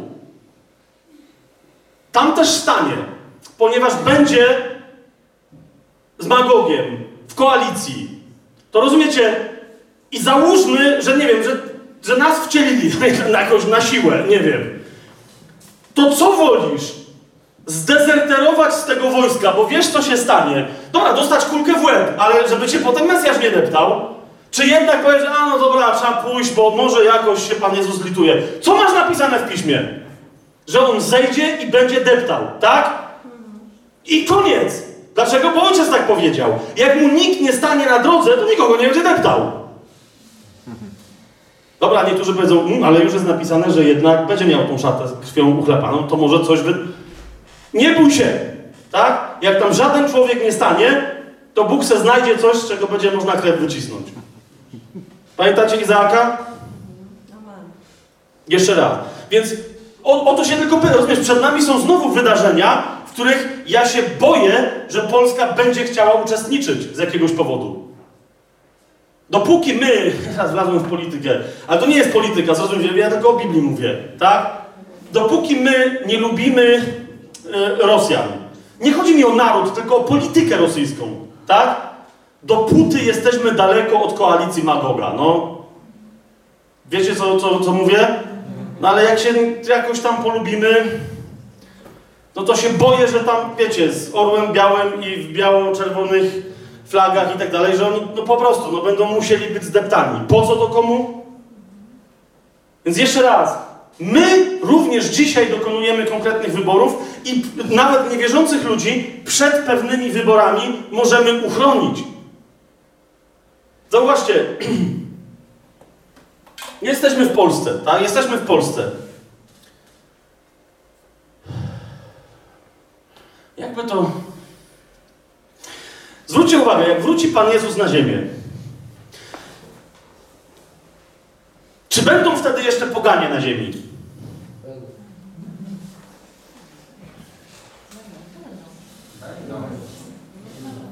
Przez tysiąc lat jeszcze tak. Będą poganie na ziemi. Poczytajcie jeszcze raz listy do zborów. Nagroda w jednym z nich jest powiedziana wyraźnie, że temu, który zwycięży, dam władzę nad poganami. Wyraźnie powiedziane. Dam władzę nad poganami. Będą istnieć ludzie, ponieważ my, tak, tak czy siak, będąc zbawionymi, albo zmartwychwstaniemy, albo jeżeli będziemy, ktoś z nas będzie jeszcze żył do tego czasu jakoś, to zostaniemy przemienieni. I my już będziemy żyć wiecznie, kapujecie? Ale będą wciąż ludzie, którzy będą śmiertelni. To jest ciekawy, to jest ciekawa historia, w ogóle epoka e, w historii ludzkości. Bo będą istnieć ludzie, którzy będą śmiertelni. Będą żyć długo, tak? Prorocy mówią, że no w Jerozolimie jak ktoś nie dożyje 120 lat, to będzie, w sensie, to będzie uznane za przekleństwo, jak będzie trochę krócej żył, tak? No to super przekleństwo, powiedział, bo dzisiaj większość widać, że jest straszliwie przeklęta. Ale teraz zadaję wam drugie pytanie. Jeżeli jest tak, to właśnie, a jest tak, że będą tam istnieć narody pogańskie, to pytanie brzmi, jacy niezbawieni ludzie przejdą przez powrót Mesjasza? Kochani, te narody, które nie staną do walki przeciwko Mesjaszowi. Ok? Bo te narody zostaną osądzone. Lub też takie, które tamte narody wspierały. Jeden, jedyny z tych narodów, który jakimś, dlaczego, nie wiem tego, ale przetrwa, to jest Magog. Tak? Cała reszta nie ma co do tego absolutnie żadnej pewności. I teraz zauważcie, jeżeli my to wiemy, a więc, że niekoniecznie wszyscy ludzie muszą być zbawieni, tak, ale nadal, nadal będąc poganami, mogą być pozostawieni na ziemi. Ja wiem, że niektórzy teraz patrzycie na mnie, co ja w ogóle rozważam, przecież my mamy iść do nieba i w ogóle co się dzieje tutaj? Jeszcze raz mówimy o Słowie Bożym, a nie o naszych wyobrażeniach wynikających z tego, co nam Konstantyn, w co nam Konstantyn kazał wierzyć w IV wieku. I niektórzy myślą, że jak nie mają obrazka Matki Boskiej w zborze, a wy nie macie, to już są biblijni. Tak? Jeszcze raz. Przeznaczeniem nas, naszym jest żyć na ziemi, a nie w niebie. Słyszał z was ktoś gdzieś w Biblii, że jest jakieś niebo zapowiedziane dla nas? Jako docelowe miejsce. Naszym przeznaczeniem jest żyć na ziemi, jako zmartwychwstałych ludzi, królować na wieki z Chrystusem na nowej ziemi pod nowym niebem. Tak? Z prawem wstępu do nowego Jeruzalem, unoszącego się nad ziemią. To jest nadchodzące dla nas. Czy, czy my będziemy mieli dostęp potem do nieba pierwszego, drugiego, trzeciego i tak dalej? To ja tego nie wiem. Wiem tylko, że naszym docelowym punktem jest nie pójść po śmierci do nieba, ale później jest wrócić z Chrystusem gdzie? Na ziemię. Tak? I teraz uważajcie, bo teraz wracamy tu do historii naszej. Jak ważne jest głoszenie Ewangelii poszczególnym indywidualnym osobom? Bardzo ważne, bo Bóg chce, żeby wszyscy byli zbawieni, doszli do poznania prawdy. Tak? Ale z drugiej strony, jeżeli ktoś Cię nie słucha, zauważ, co ma na myśli Jezus, kiedy mówi, żebyśmy szli i głosili dobrą nowinę wszystkim narodom. I żebyśmy zanurzali wszystkie narody w imieniu Ojca i Syna i Ducha Świętego. Pamiętacie ten fragment? Otwórzmy sobie Ewangelię Mateusza, bo dobra, pamiętamy, ale zobaczcie to. A propos różnych naszych y, odpowiedzialności. Zobaczcie, ostatni rozdział Mateusza 28, 18, 19, 20 werset. Patrzcie, co się dzieje. Wtedy Jezus podszedł i powiedział do nich: Mnie dana jest wszelka władza na niebie i na ziemi. Idźcie zatem, dlatego, że mnie jest dana władza. To mówi to zatem. Zobaczcie słowo więc. Wszędzie w Biblii bardzo warto zwracać uwagę na słowa typu ale, przecież, stąd, dlatego, a zatem, więc i tak dalej. Więc, Jezus, idźcie więc i nauczajcie kogo? Wszystkie narody. Tak? Teraz zwróćcie uwagę, tak a propos jeszcze chrztu i tak zwanej formuły chrzcielnej. Yy, zawsze jak yy, chrzcimy ludzi, moja żona tu jest świadkiem, ale też no, niektórzy teraz wiedzą o tym, jak chrzcimy ludzi, ja się zawsze pytam, tak? Wiesz, ty się chrzcisz w imieniu Jezusa Chrystusa w wodzie, ale co chcesz, żeby ci powiedzieć? I niektórzy mówią, no ja bym jeszcze chciał w imię Ojca i Syna i Ducha Świętego. Super. Ale jak, jak chcemy być ściśli, to zauważcie, nigdzie w Biblii nie ma formuły chrztu indywidualnego w imię Ojca i Syna i Ducha Świętego. Jeden, jedyny fragment, który o, mówi o tym, żeby chrzcić, czyli zanurzać w imię Ojca i Syna i Ducha Świętego, to jest ten fragment, zauważcie, co tu jest napisane, że należy w imię Ojca i Syna i Ducha Świętego chrzcić, a więc zanurzać kogo? Narody. Narody. I oczywiście mamy już w historii przykłady tak zwanego chrzczenia narodów. Wiecie, 966 chrzest Polski. Tak, jasne. Nawet nie wiadomo, czy ten Mieszko tam się rzeczywiście ochrzcił i o co mu tam chodziło, tak? A tam jeszcze zaraz chrzest Polski. Zwłaszcza, że Mieszko nie był w ogóle władcą Polski. Ale dobra, to już te, też na razie pomijmy. Tylko to nie o to idzie, tak? Żeby dokonywać politycznej zmiany, że jakiś naród oficjalnie, rzekomo jest wyznawcą czegoś, tak? Zauważcie, z czym jest związane chrzczenie narodów w imię Ojca i Syna i Ducha Świętego. Idźcie i nauczajcie wszystkie narody, chrzcząc je w imię Ojca i Syna i Ducha Świętego, ucząc je czego? Przestrzegać wszystkiego, co wam przykazałem. A oto ja jestem z wami przez wszystkie dni, aż do skończenia świata. Amen. No i teraz moje pytanie brzmi, jak mamy tyle dyskusji dzisiaj w Kościele na temat naszej odpowiedzialności za ewangelizację, za głoszenie, za, za, za wspomaganie materialne służby, służb różnych dla Królestwa. Wszystko to się zgadza. Powiedzcie mi, kiedy ostatnio odbyła się gdzieś jakaś konferencja? Nie mówię, że się nie odbyła, ale co, o czym wy słyszeliście? Na temat zbawienia nie poszczególnych ludzi w Polsce, nie przebudzenia w Polsce, ale na temat zanurzenia całej Polski w imieniu Ojca i Syna i Ducha Świętego i pokazaniu jej wizji, że tylko i wyłącznie przestrzeganie tego, co Pan Jezus naprawdę przykazał, a nie co jakiś jeden czy drugi tak zwany Kościół chce głosić, tak? I że uczenie tego, co Pan Jezus przykazał, a mamy zapisane w Biblii, dokładnie tak jak jest zapisane, że nauczenie tego narodu wreszcie wyprowadzi ten naród na drogę błogosławieństwa, a kiedy przyjdzie tysiącletnie królestwo, to ten naród w tym królestwie zostanie. Kiedy ostatnio słyszeliście takie rozważanie? Zobaczcie, jak się pojawi jakiś jeden z drugim wierzący w polityce, od razu się pojawi 500 tysięcy, nagle mi stąd nizową. Nie wiedziałem, że tylu wierzących było w Polsce. Nagle się podnieśli, że e, polityka, pieniądze! Ile jest tych miejsc w Sejmie? 400? 460? 500? No ile ich tam jest? Coś koło tego, tak? Gdzie jest służba ewangelistów, polityków? To jest moje pytanie. Gdzie jest służba proroków politykujących? W takim sensie, że prorokujących tym ewangelistom, którzy głoszą Ewangelię także tym, którzy nie chcą jej słuchać, pod postacią praw, które mogą przynieść błogosławieństwo narodowi. Gdzie to jest? Nie, nie, najważniejsze, żeby sprowadzić ludzi do zboru. Może, ale jak oni jeszcze tam nie chcą przyjść, to wciąż możesz wprowadzić w tym kraju sprawiedliwość. ja bym chciał powiedzieć prawo i sprawiedliwość, które wynikają z Biblii. Nawiasem mówiąc, to jest cwane, nie? Ja tam nic nie mam do platformy, do prawa, do wszystkich tych, nie chcę tam robią co chcą. Ale to jest sprytne, zanim czy zauważyliście, jak często w Biblii pojawia się hasło prawo i sprawiedliwość. Zwłaszcza w psalmach. Także jak ktoś chodzi na przykład do kościoła rzymskokatolickiego, to w życiu ja nie słyszałem na przykład niech będzie błogosławione pańskie, pańska platforma obywatelska. No nie ma takiego tekstu w Biblii, tak? A prawo i sprawiedliwość ucałują się wzajem. No wiecie, jest kółko, tak? się potem dziwić, kto na kogo głosuje. No hej, kto gdzie jest głoszony, to ten.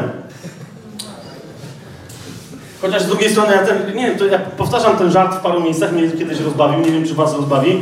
Kiedyś mój znajomy powiedział, że żeby Prawo i Sprawiedliwość troszeczkę odpolitycznić w Biblii, to zawsze należy wychodzić z pozycji, że Prawo i Sprawiedliwość są platformą obywatelską Bożego Tronu.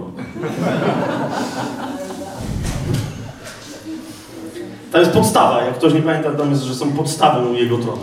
Są platformą obywatelską. Dobrze.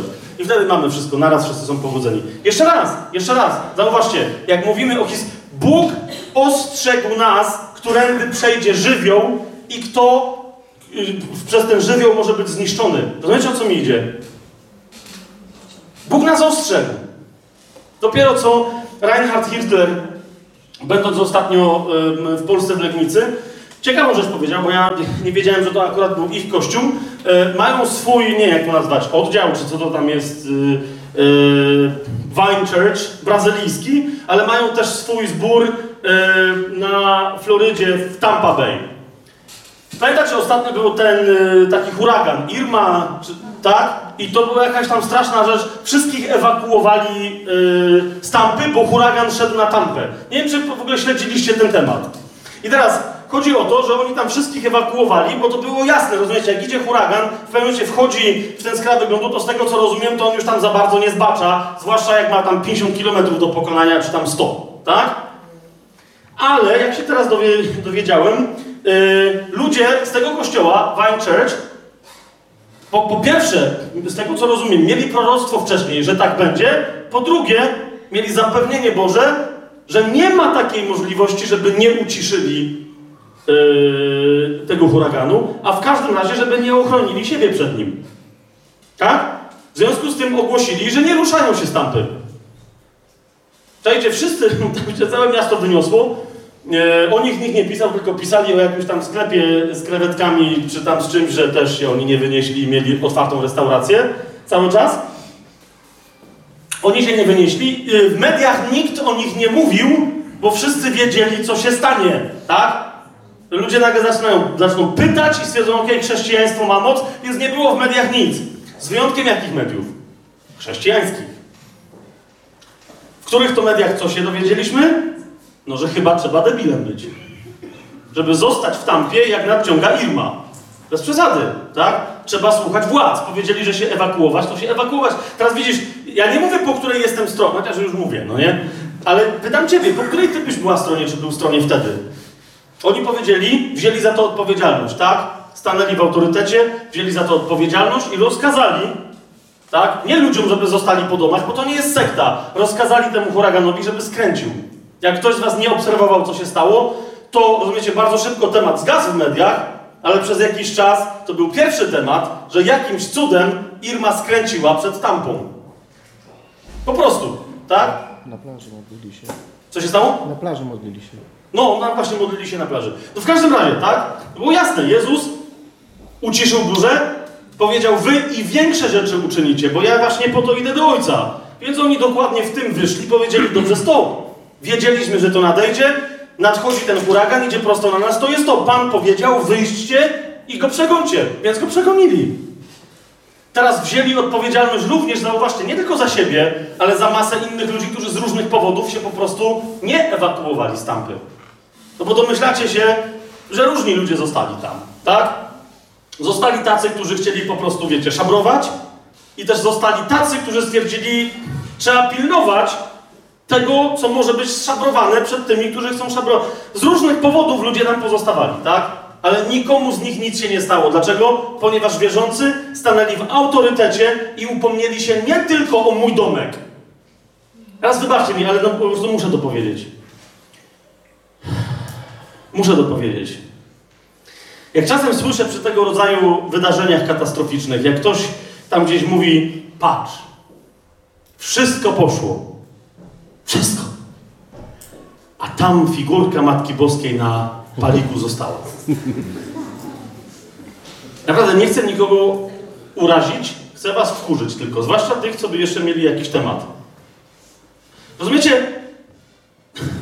No, Cejrowski tam ostatnio coś tam się wynurzał, jak te wichry w Polsce były, tak? Że on jakiegoś egzorcystę zamówił i on mu zakopał w paru miejscach na jego ranczu, czy gdzieś tam jakieś tam magiczne sprzęty i ponieważ to jest, wiecie, właściwa magia, czyli rzymskokatolicka, to to go będzie chronić, a jak tamtym ludziom te wichry na Pomorzu w Polsce tam coś porąbały, to dlatego, że nie zatrudnili właściwego egzorcysty. No.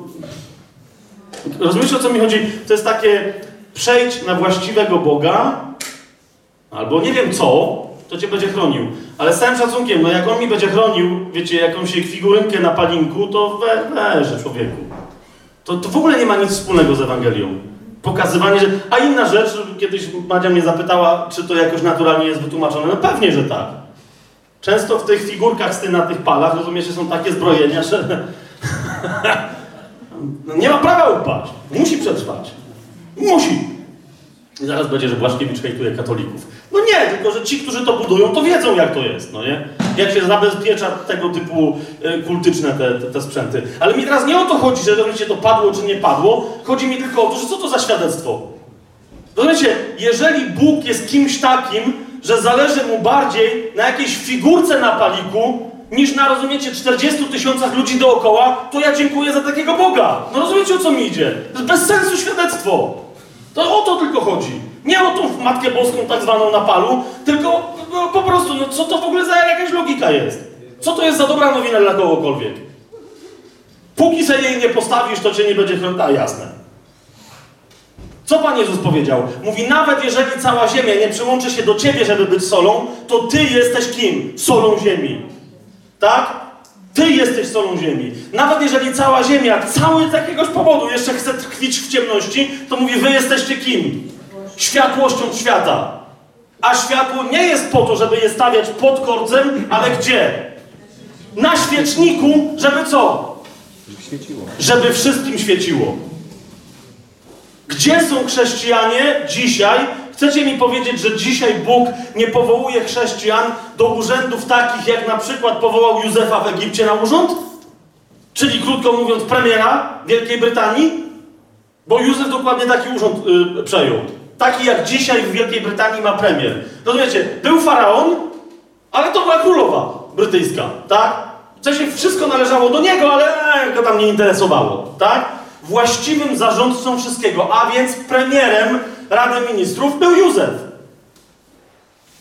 Teraz jest pytanie. Józef na pewno był w służbie proroczej. Oczywiście żartuję teraz, bo nie było kościoła, ale chodzi mi o to, że jakby był, to byłby w służbie jakiej? Proroczej. Zgodzicie się z tym, tak? Nauczycielskiej również. Bo wbrew pozorom, ale pewne jego wykładnie były bardziej nauczycielskie. Ale okej, w proroczej służbie był, tak?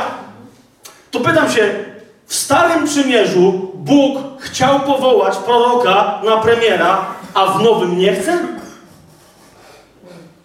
Czy po prostu żyjemy w takim ciele Chrystusa, które się każde troszczy swoim małym grajdołkiem? I mówi, nie, tu, tu, tu jest Królestwo Boże. Jeszcze raz. Idźcie i nauczajcie wszystkie narody. I zamiast rozważać i dawać się wpuszczać maliny, jaki jest Bóg zły, bo zdeptał tam jakichś ludzi, może by nie zdeptał. Zauważcie, nie wiem, czy jeszcze, bo jeszcze, jeszcze, jedno, jeszcze jeden aspekt chcę Wam pokazać. Pytanie. I to jest, już nie będę dalej tego ciągnął, ale sami sobie to przestudiujcie. Pytanie. Czy gdyby Izraelici byli posłuszni Bogu i weszli wtedy, kiedy mieli wejść, a nie 40 lat później, i teraz uważajcie, bo odpowiedź jest w Biblii, dosyć jasna. Czy gdyby weszli wtedy, kiedy mieli wejść, czyli dwa tygodnie po opuszczeniu Egiptu, a nie 40 lat później, czy gdyby wtedy weszli, również dostaliby rozkaz wyrżnięcia niektórych z tych małych plemion, które, który to rozkaz dostali? Nie, nie udzielę wam odpowiedzi, ale rozumiecie, wina, bo z jednej strony powiedziałem, że wina stoi po stronie tamtych narodów, bo zostały ostrzeżone. Ale z drugiej strony chcę powiedzieć, dobra, już wiecie jaka jest teza moja, tylko sami sprawdźcie, dlaczego tak uważam. Gdyby Izrael wszedł wtedy, kiedy miał wejść, a więc był posłuszny Bogu do Kanaanu, to po prostu z niektórymi ludami tam by się nawet nie spotkał. Ok? Te ludy by nie miały czasu, żeby się sprzeniewierzyć, zgrzeszyć i tak zatwardzić swoje umysły i serca, żeby następnie spotkać się z walcem Jozułego. Walcem nie w sensie tańca, tylko, wiecie, maszyny wojennej. Tak?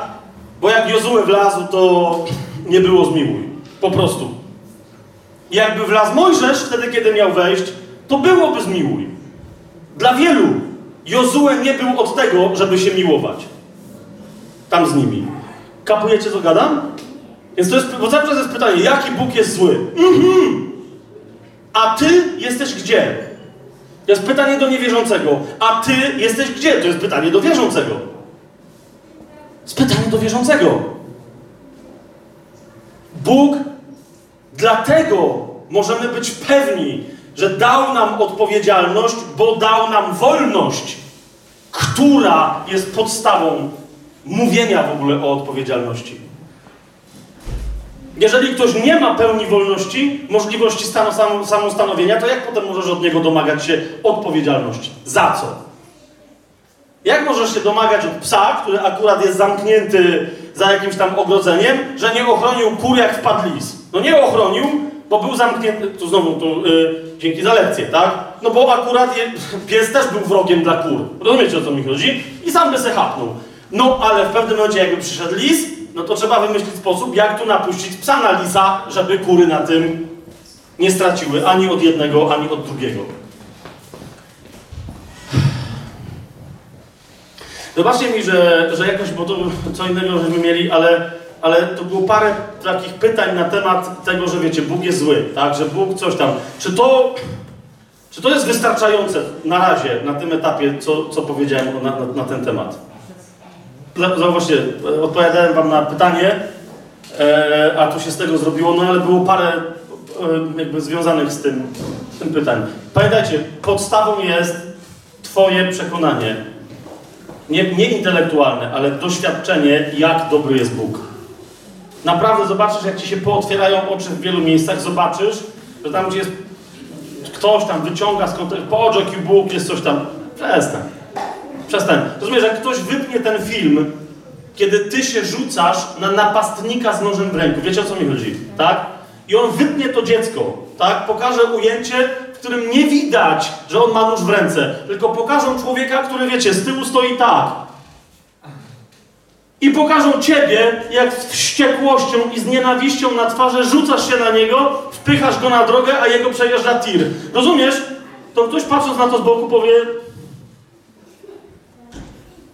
Straszny przykład. Jak tak mogłeś zrobić? Jesteś chrześcijaninem. Kapujesz? I teraz ktoś inny na to patrzy i mówi, zamiast powiedzieć, ok, sprawdźmy, jaki był cały film, jaki był kontekst, co się tu działo. Jeżeli ktoś próbuje bronić te, rozumiecie, interpretacji tej wyciętej sceny z Biblii, no to zauważcie yy, manipulacje nie tych ludzi, którzy, którzy wyrywają taki fragment z Biblii, tak? Nie denerwujcie się na nich, że ach, znowu się dowalił. Tylko zauważcie, to jest ich wołanie chcę Boga, ale nie chcę, żeby był zły. Każdy, to nie są tylko młodzi ludzie, to są też, wiecie, starsi. Każdy, każda z tych osób mówi, to wytłumacz mi to, pokaż mi to. Pamiętacie Piotra wołanie? Mówi, bądźcie w każdej chwili gotowi do uzasadnienia tej nadziei, która w was jest.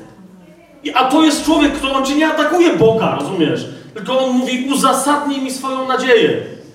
Skąd, dlaczego ty masz nadzieję na spotkanie z dobrym Bogiem, jak ja się go boję? On tam kazał ludzi wyżynać. O to mi idzie. To nie jest kwestia, jak to zinterpretować i bycie, wiecie, specjalistą od Biblii, który z każdej potyczki wyjdzie, tylko to jest kwestia tego, w co ty wierzysz. Czy taki atak na Boga czasem nie pobudza twojego lęku przed Bogiem, że a może on nie do końca jest taki dobry? To tak naprawdę o to w tym wszystkim idzie. Jak masz tę pewność, to potem nagle czytasz Biblię i mówisz, a okej, okay, tu, okej, okay, tu, o, o ojcze, tu cię przełapałem, tu jest trochę dwuznaczne zachowanie. I za chwilę Duch Święty ci podpowiada, mówi, weź, dooglądaj film do końca. No jeszcze dwie sceny, wytrzymaj. Wytrzymaj. Rozumiecie? Hollywood, ile wypływa... Ostatnia rzecz, którą teraz powiem, żeby wam pokazać, o co tu idzie, tak? Ile rzeczy Hollywood wypuściło potwornych, brutalnych, ze scenami gwałtu, morderstw, rozrywania ludzi. No nie chcę tego opisywać, tak? Nie do opisania. Nigdy w życiu nie słyszałem takiego buntu krytyków filmowych i filmowców różnych, jak można dopuścić do pokazywania takiego okrucieństwa w kinach. Kiedy? Kiedy wyszła pasja Chrystusa Mela Gibsona. Pamiętacie to? To nie wolno na to iść, to jest przecież to jest straszne. Bo co? Bo wiesz o co chodzi? Co nam się stało? Jednego chłopa tam torturowali.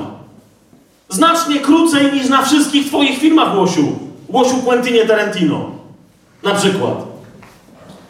Teraz ja nie wiem, czy akurat Quentin krytykował. Ja tylko pamiętam polskiego jednego reżysera, który pornografię w, w, w teatrach uprawiał na żywca, tak? Bywało, że młodzież gimnazjalna, nie gimnazjalna, tylko licealna, przychodziła na te spektakle. I on nagle powiedział, że nie, on nie będzie, bo on widział fragmenty i on uważa, że absolutnie. To jest pornografia, co...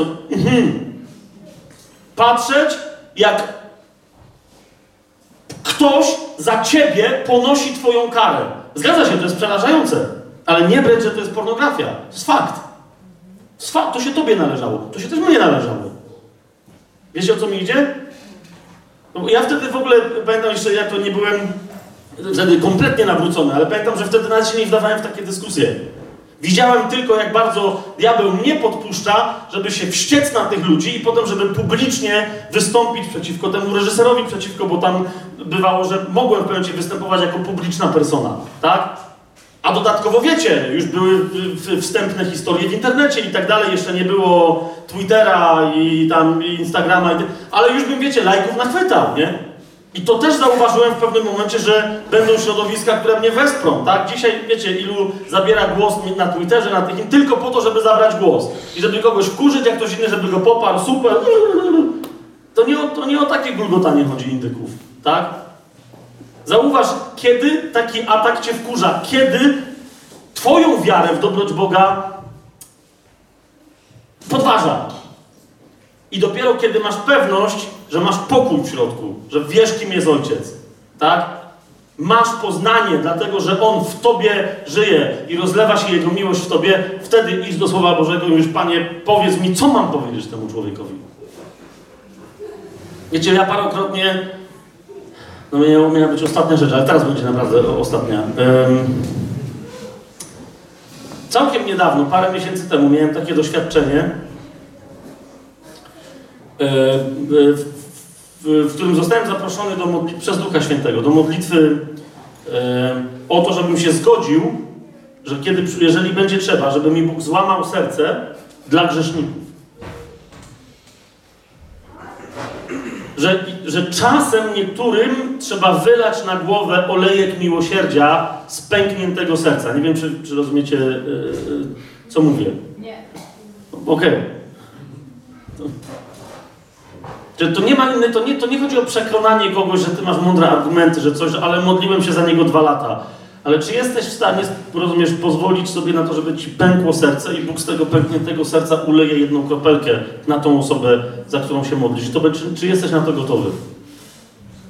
Ja wtedy tak wam mówię, no ale ja tak bardzo chętnie coś. I w tym momencie, rozumiecie, przyszło prorocze słowo przy tym zaproszeniu, do, bo to była większa tam modlitwa, ale ja ten dialog w sobie toczyłem. I przyszło prorocze słowo, które, które nie, nie, że do mnie konkretnie skierowane, ale wiedziałem, że ono jest do mnie skierowane. Ile już do tej pory wygrałeś dyskusji i przegrałeś dusz? To znaczy, o co mi chodzi? Ile już wygrałeś dyskusji i odszedłeś i powiedziałeś, obroniłem chrześcijaństwo i straciłeś człowieka. O to mi, ostatecznie, rozumiecie, o, o to mi chodzi. Ktoś ci atakuje Boga, mówi, że chrześcijaństwo to jest to, to jest tamto. Rozumiesz, często idzie o coś innego. Wtedy mi też Bóg przypomniał raz sytuację, kiedy ja wiedziałem, że ktoś gada głupoty, po prostu gada głupoty, tak? Gada, gada głupoty straszliwe. Rozumiecie, i mówię, Boże, no zaraz mu rąbnę. Na, naprawdę, lutnę mu tak, że i wtedy może zacznie rozumieć. Bo w ogóle nie, chcę, nie chciał przyjmować, rozumiecie, ale mówię, ale chyba, że Ty mi, Boże, jakoś pomożesz. Rozumiecie, ja wtedy zobaczyłem, że ta osoba jakoś, nie wiem jak, została kiedyś skrzywdzona przez osobę, która dla niej reprezentowała chrześcijaństwo całe. Tak? I ten gość tam skończył tę radę i ja w tym momencie mówię, mówisz co, nie mam dla ciebie żadnej odpowiedzi. I ten mówi, ha! I właśnie wiedziałem, że tak będzie. Dziękuję ci, nigdy więcej nie rozważę tematu Jezusa.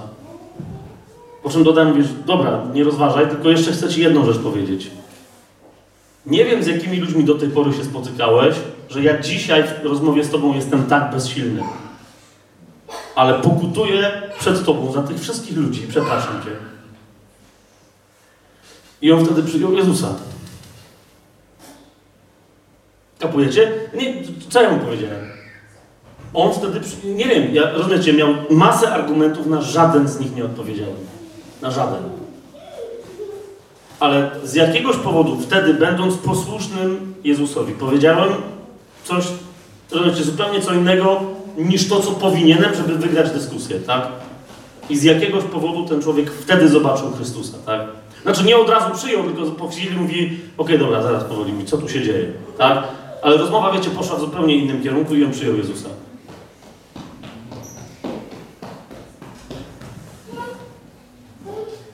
No to dobra. To, to tym należało chyba debatę o tym, jak rozmawiać o tym, czy Bóg jest dobry, czy, czy jak jej zakończyć.